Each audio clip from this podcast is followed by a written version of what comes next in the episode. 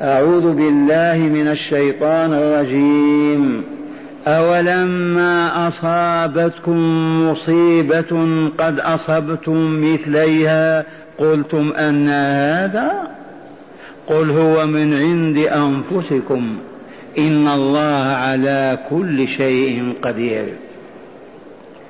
وما أصابكم يوم التقى الجمعان فبإذن الله وليعلم المؤمنين. وليعلم الذين نافقوا. وقيل لهم تعالوا قاتلوا في سبيل الله أو ادفعوا.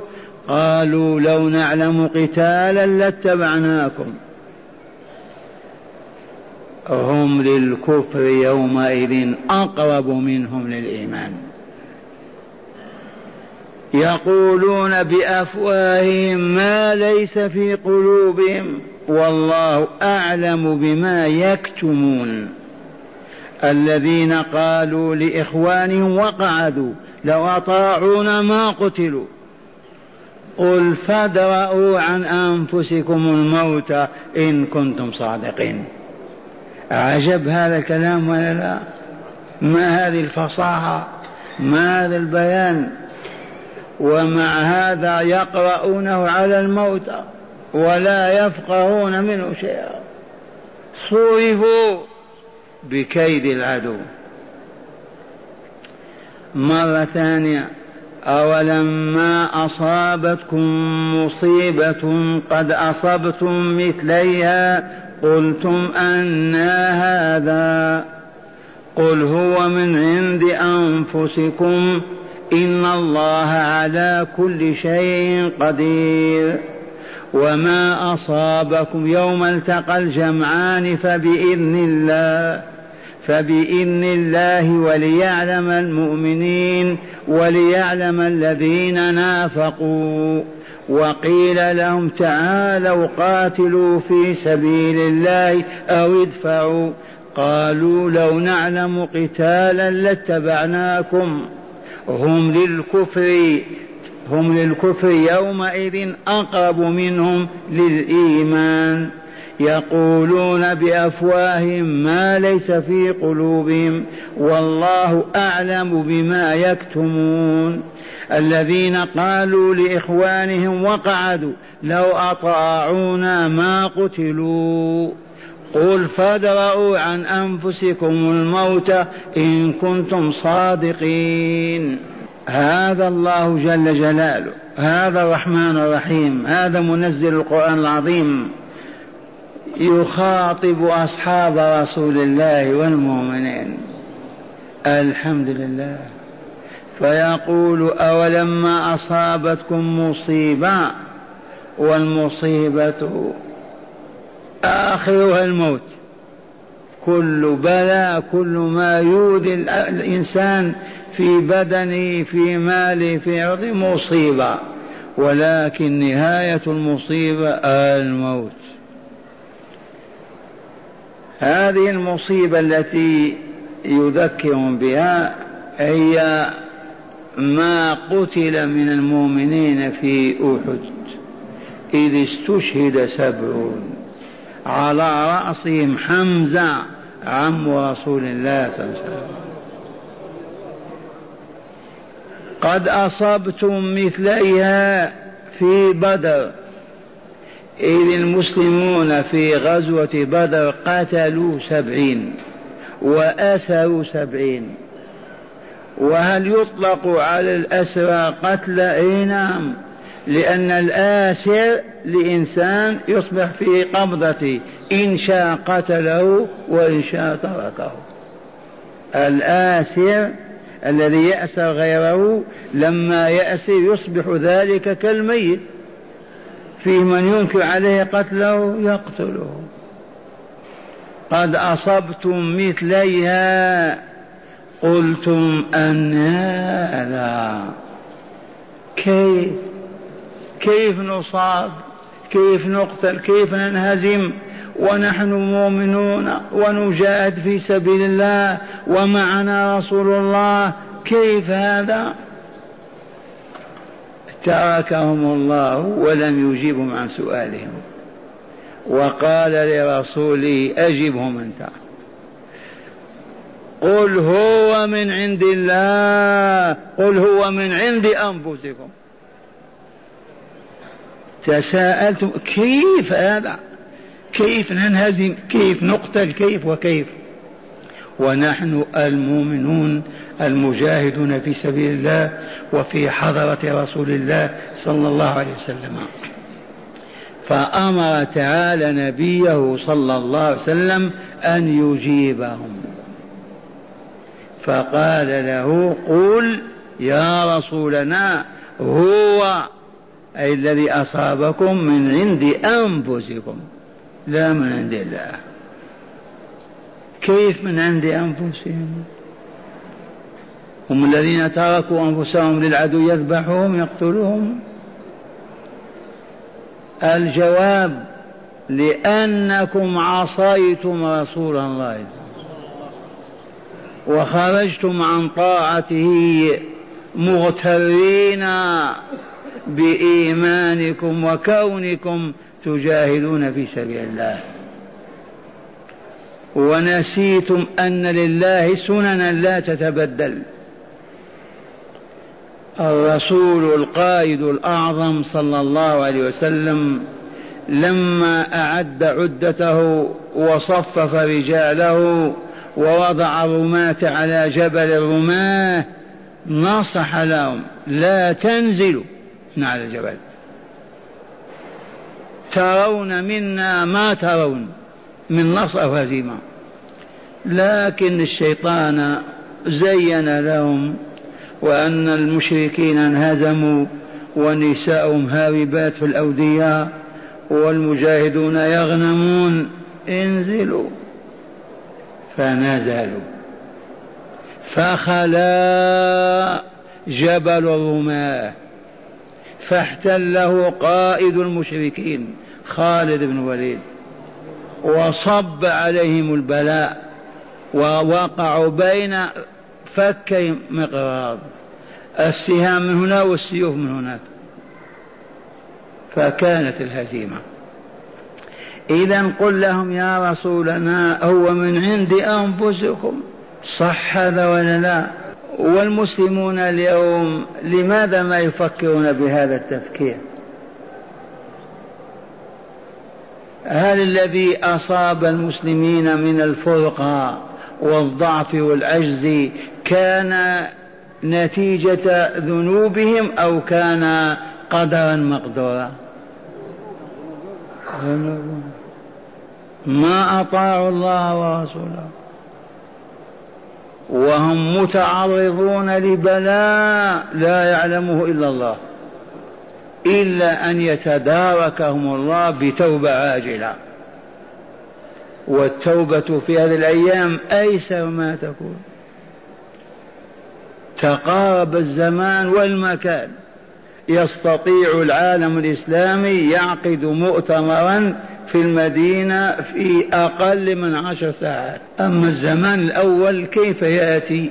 الولاة من أقصى الشرق والغرب يحتاجون إلى ست أشهر. كانوا يجتمعون مرة في الحج.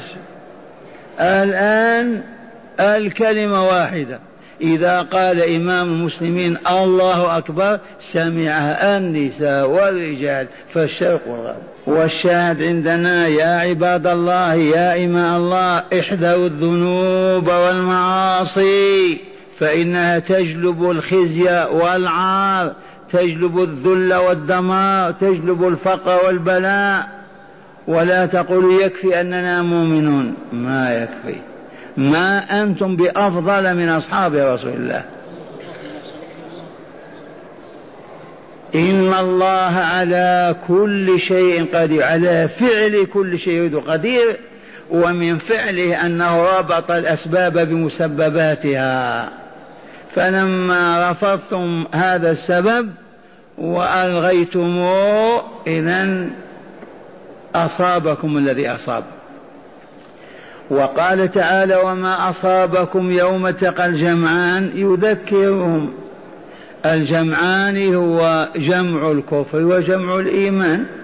أين التقى الجمعان؟ في سفح أحد وراءنا. جمع المؤمنين وجمع المشركين.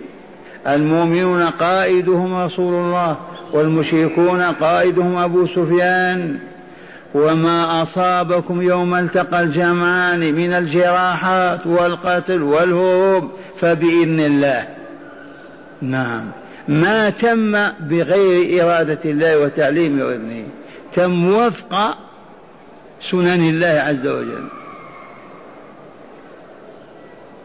وليعلم المؤمنين وليعلم الذين نافقوا. هذا علم ظهور أما علم الغيب فهو قد كتبه وعلم قبل أن يخلق الكون. لكن ليظهر ذلك للعيان ليعلم الذي المؤمنين بحق وصدق ويعلم أيضا الذين نافقوا. أظهروا الإيمان بألسنتهم وأبطنوا الكفر في قلوبهم. وهم جماعة ابن أبي وقد عادوا من الطريق وهم ثلاثمائة. لولا هذه الحرب كيف يعرف المنافقون من المؤمنين؟ المؤمنون قبل الفتنة أيضا ما تدري ها نحن الآن مؤمنون ولا لا. لو يبتلينا الله ببلية لا قدر الله يظهر المؤمن الصادق من غير المؤمن الصادق. ذاك لو أراد الله تطهيرنا كما أراد تطهير أصحاب الرسول ليحملوا رسالة الحق إلى العالم أجمع. أما نحن لا وزن لنا ولا قيمة.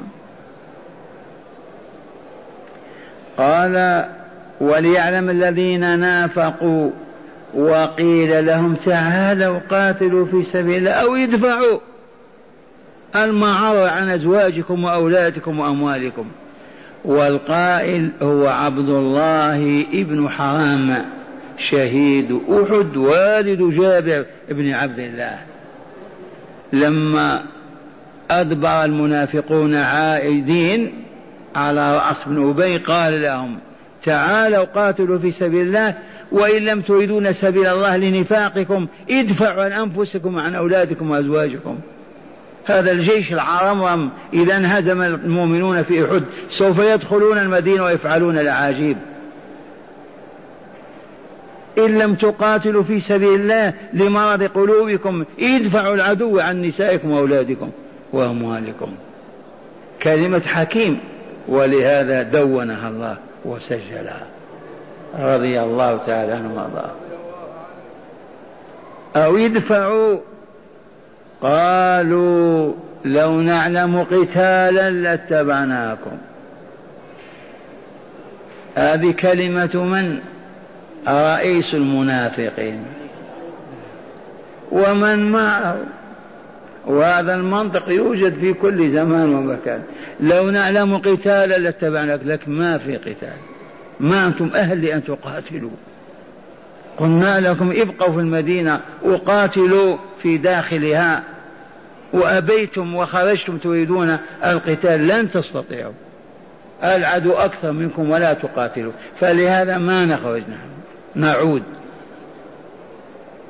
لكن لو كان مؤمنا يقول هذا الكلام لرسول الله صلى الله عليه وسلم قالوا لو نعلم قتالا يقع بالفعل لخرجنا لكن ما في. قال تعالى هم للكفر يومئذ أقرب منهم للإيمان. إي والله. القائلون هذا القول وعلى رأسهم ابن أبي هم للكفر يومئذ أقرب منهم للإيمان. إي والله. يقولون بأفواههم ما ليس في قلوبهم والله أعلم بما يكتمون ويخفون ويجهلون يظنون أن الله غير مطلع على قلوبهم فيتبجحون بالكلام الفارغ.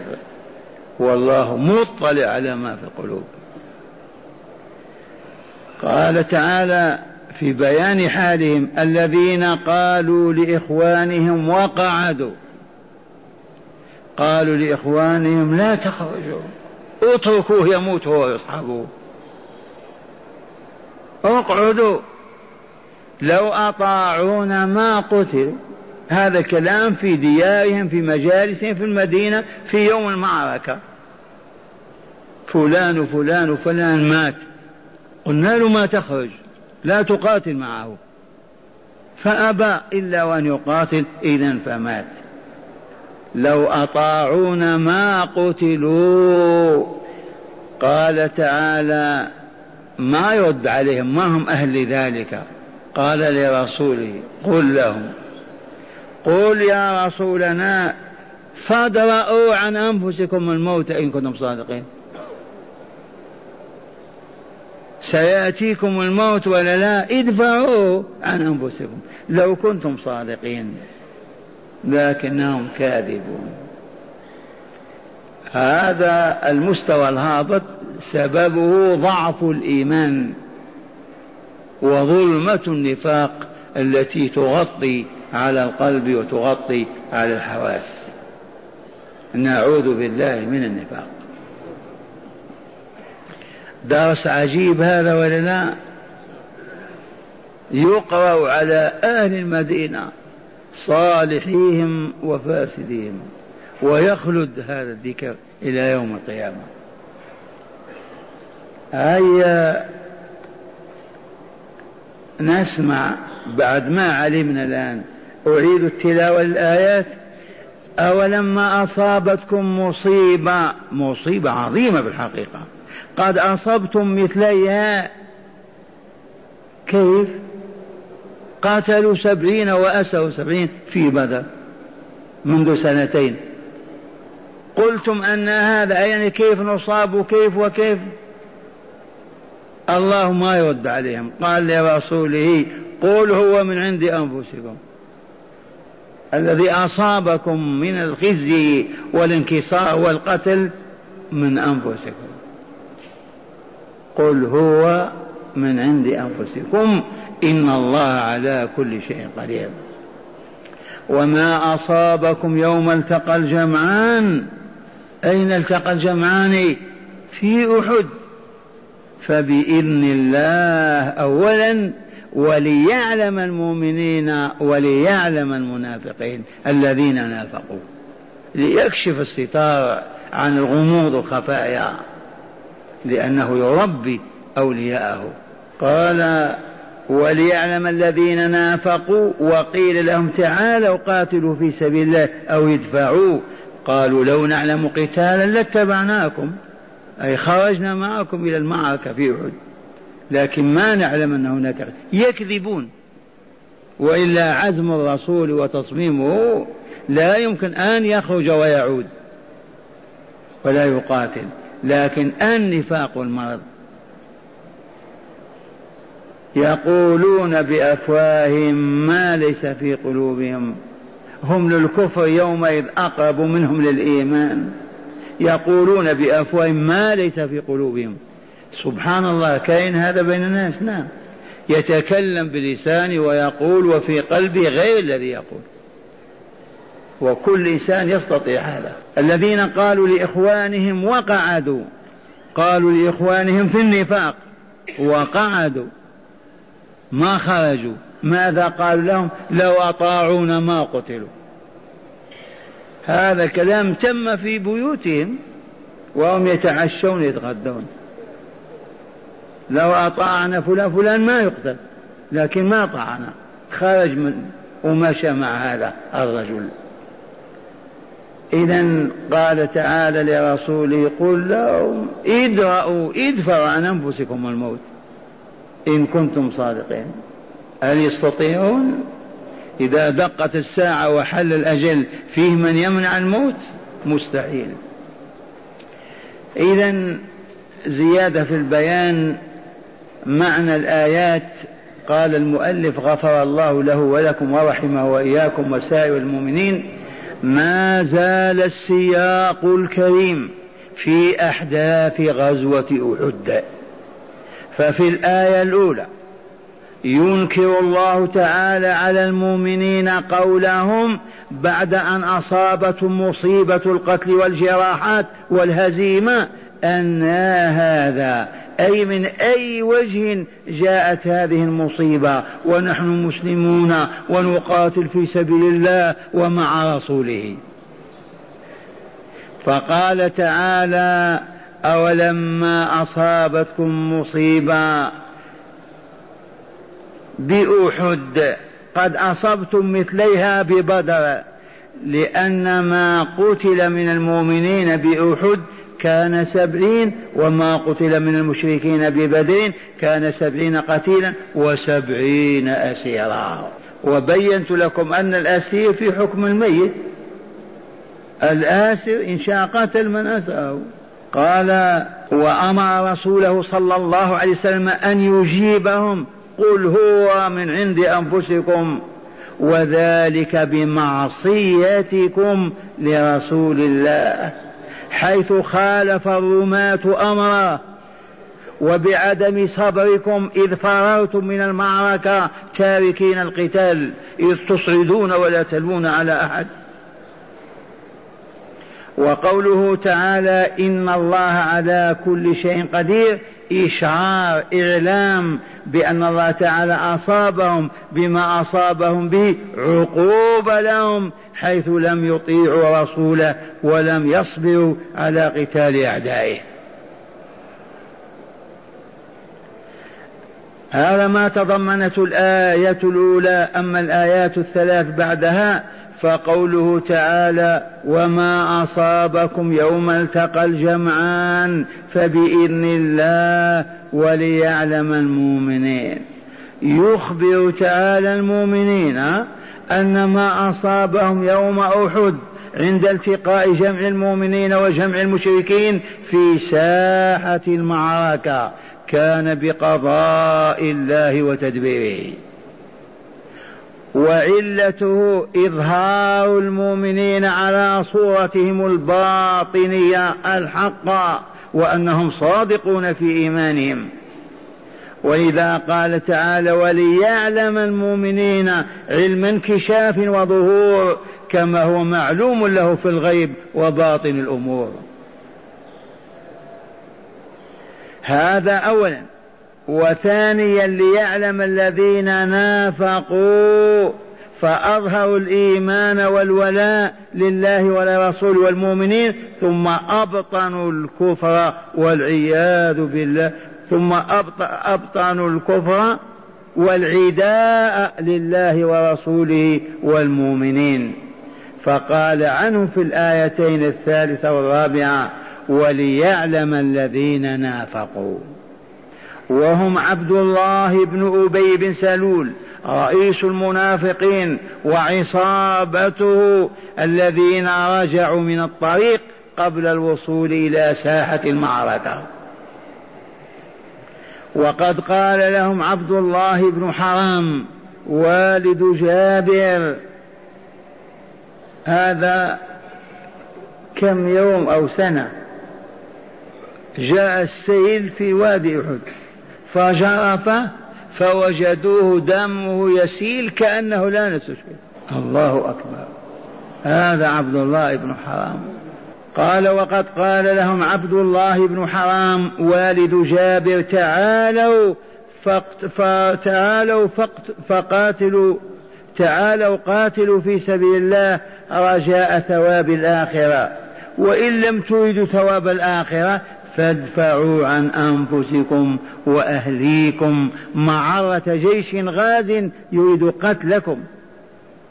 إذ وقوفكم معنا يكثر سوادنا ويدفع عنا خطر العدو الداهم. فأجابوا قائلين لو نعلم قتالا يتم لاتبعناكم. يتهمون الرسول بأنه ما يقاتل. تعلموا ما تسمعون من إخوانكم من عبارات من هذا النوع. هذا النوع الآن عام في البشرية. إلا من؟ رحم الله. كيف تتم هذه الرحمة؟ تتم للذين تربوا في حجور الصالحين. لازموا بيوت الله الليل والنهار. يتلقون الكتاب والحكمة. أما هذا الجهل العام لا ينتج عنه إلا الأباطيل والترهات والأقاويل. وحسبكم أن تسمعوا إذاعات العالم وتقرأوا صحف الدنيا. لا لا تسمعون. مجالسنا هذا كذا هذا كذا هذا بي كذا لو قال كذا لا إله إلا الله. ولا لوم. قال وقد قال لهم عبد الله بن حرام والد جابر تعالوا قاتلوا في سبيل الله رجاء وطمع ثواب الآخرة وإن لم تريدوا ثواب الآخرة فادفعوا عن أنفسكم وأهليكم معرة جيش غاز يريد قتلكم. إذ وقوفكم معنا في صفوفنا يكثر سوادنا ويدفع عنا خطر العدو الداهم. فأجابوا قائلين لو نعلم قتالا يتم لاتبعناكم. فأخبر تعالى عنهم بأنهم في هذه الحال هم للكفر أقرب منهم إلى الإيمان. في ذاك الموقف لما قالوا هذه الكلمة هم إلى الكفر أقرب الإيمان إذ لا يقول هذا إلا من هو كالكافر.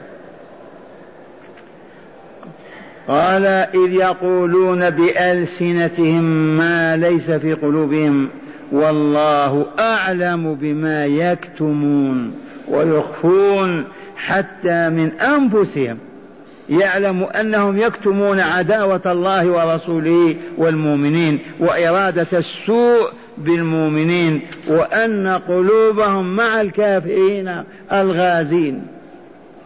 ثم أخبر تعالى عنهم أنهم قعدوا عن الجهاد في أحد وقالوا لإخوانهم في النفاق لا في القرابة والنسب وهم في مجالسهم الخاصة.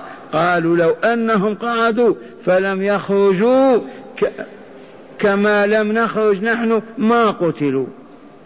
فأمر الله تعالى رسوله صلى الله عليه وسلم أن يرد عليهم قائلا فادرؤوا أي ادفعوا عن أنفسكم الموت إذا حضر أجلكم إن كنتم صادقين في دعواكم أنهم لو قعدوا ما قتلوا. سبحان الله العظيم. أرأيتم كيف ما يرد الله على الهابطين؟ يوكل الرسول قل لهم ما هم أهل لأن يعلمهم الله؟ لكن لو كان مع أولياء الله الله يتولى. قال من هداية الآيات الأرقام الأربعة.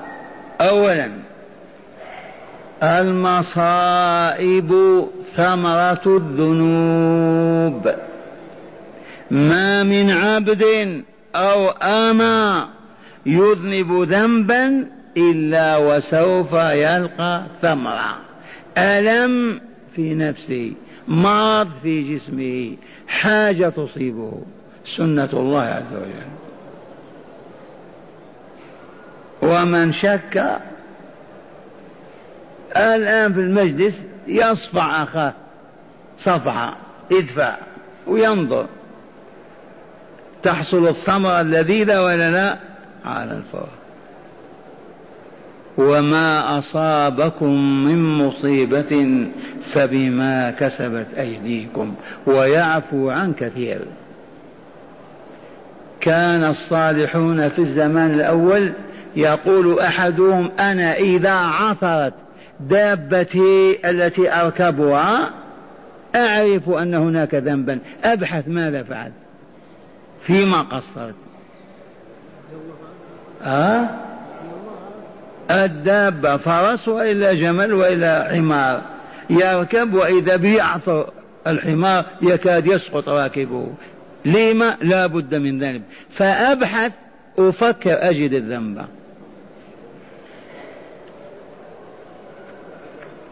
ما الذنب هذا؟ ما يؤخذ به المرء ويعاقب. مأخوذ من ذنب الفرس من ذنب الحمار. إذا هرب أمامك حمار منين تأخذه؟ من ذنبي ولا؟ والذنب ما يواخذ به المرء ما هي الذنوب؟ معصية الله والرسول إذا أمرك سيدك ولويت رأسك وما فعلت أذنبت. انتظر الجزاء. نهاك سيدك ألا تقول أو لا تفعل فأبيت إلا أن تقول أو تفعل. أذنبت؟ إي نعم. انتظر الجزاء. وهكذا. وفي الحديث ما من مصيبة إلا بذنب. ممكن نستدل على هذه القاعدة بغزوة أحد ولا لا؟ إيه. رجال ربانيون مؤمنون على رأسهم أبو بكر وعمر عثمان وعلي و و و يصابون بكارثة وهزيمة ما شاهدوها. رسولهم يشج رأسه تكسر باعيته الدماء يسيل. بسبب ماذا؟ لا شيء. معصية رسول الله صلى الله عليه وسلم. ومن هنا لما استعمر العالم الإسلامي وأذل وأهين لمعصيتهم. لماذا ذل المؤمنون في فلسطين وهزموا أمام حفن من اليهود؟ بمعاصيهم. لماذا الآن المؤمنون في البوسنة والهرسك وغيرها يذوقون أشد العذاب وآلمه وأفظع الفضائح. ولماذا؟ ذنوبنا سببت لهم ذلك وذنوبهم قبل ذنوبنا. ما ننسى هذه القاعدة وكل ما هي صحيحة.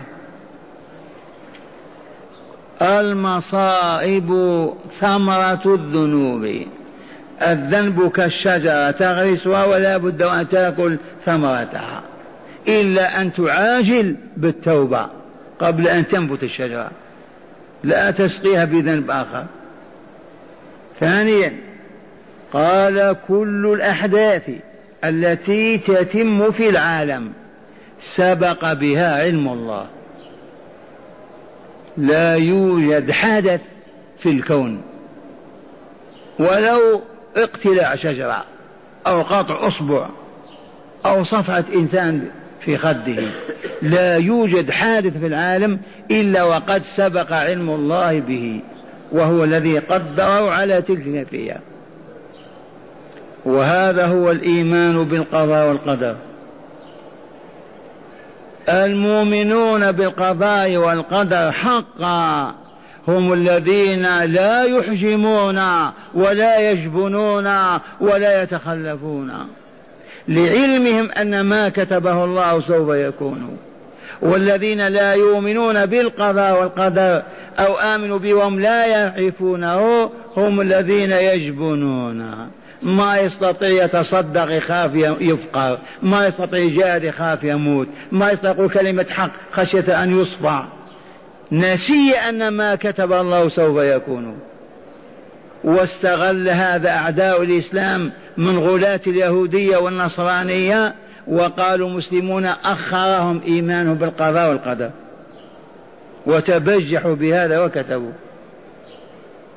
الإيمان بالقضاء والقدر هو الذي يكسب أهله الشجاعة والإقدام. لما لعلمهم أنه إن كتب الله موته الآن سوف يموت. لما يتأخر إذن عن المعركة وخوضها. كل الأحداث التي تتم في العالم بكامله سبق بها علم الله ولا تحدث إلا بإذنه. وقد بينا وأكثر الحاضرين ما سمعوا هذا الذي يوسوس له الشيطان في قضية القضاء والقدر وما يعرف. قلنا اسمع. في الحديث الصحيح يقول الرسول صلى الله عليه وسلم أول ما خلق الله القلم. كان الله ولم يكن شيء قبله. أول ما خلق الله القلم قال اكتب فكتب. قال ما أكتب؟ قال اكتب كل ما هو كائن. فكل ما كان ويكون قد سبق أن كتب. ووالله لن يتأخر أبدا. ولن يتقدم ولن يتأخر لا في الصفة ولا في الجسم ولا في الكمية ولا في أبدا يقع كما هو. عرفتم هذه؟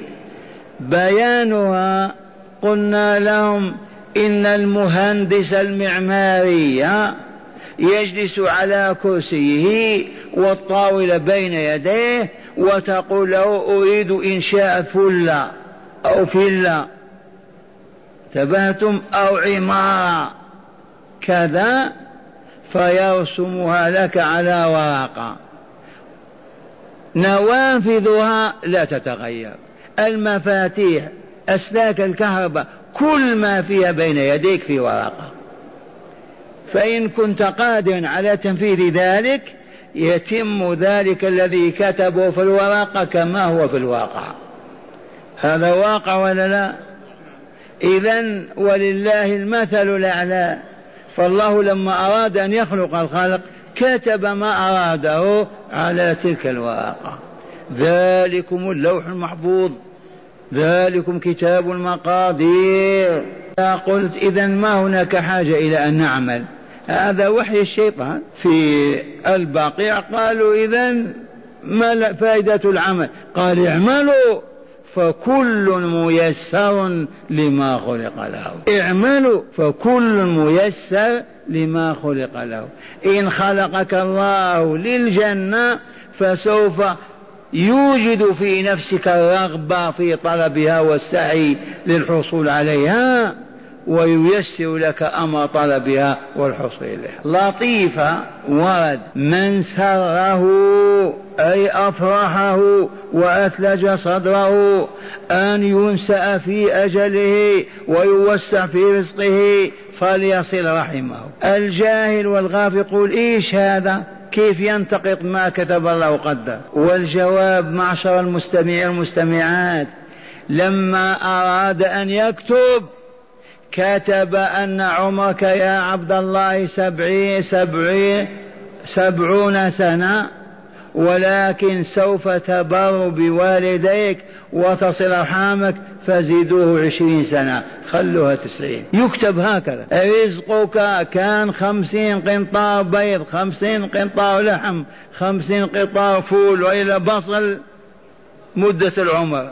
وسوف يبر هذا بوالديه ويصل رحمه. خلوها سبعين سبعين. من سره أن ينسع له في أجله ويوسع له في رزقه فليصل رحمه. فإذا رأيتك تواصل الصلة علمت أنك زيد في عمرك وزيد في رزقك. قال كل الأحداث التي تتم في العالم سبق بها علم الله ولا تحدث إلا بإذنه. ولطيفة أخرى والله لولا هذا النظام العجيب ما تبقى الحياة سنة واحدة ويرتطم بعضها ببعض. عرفتم ولا لا؟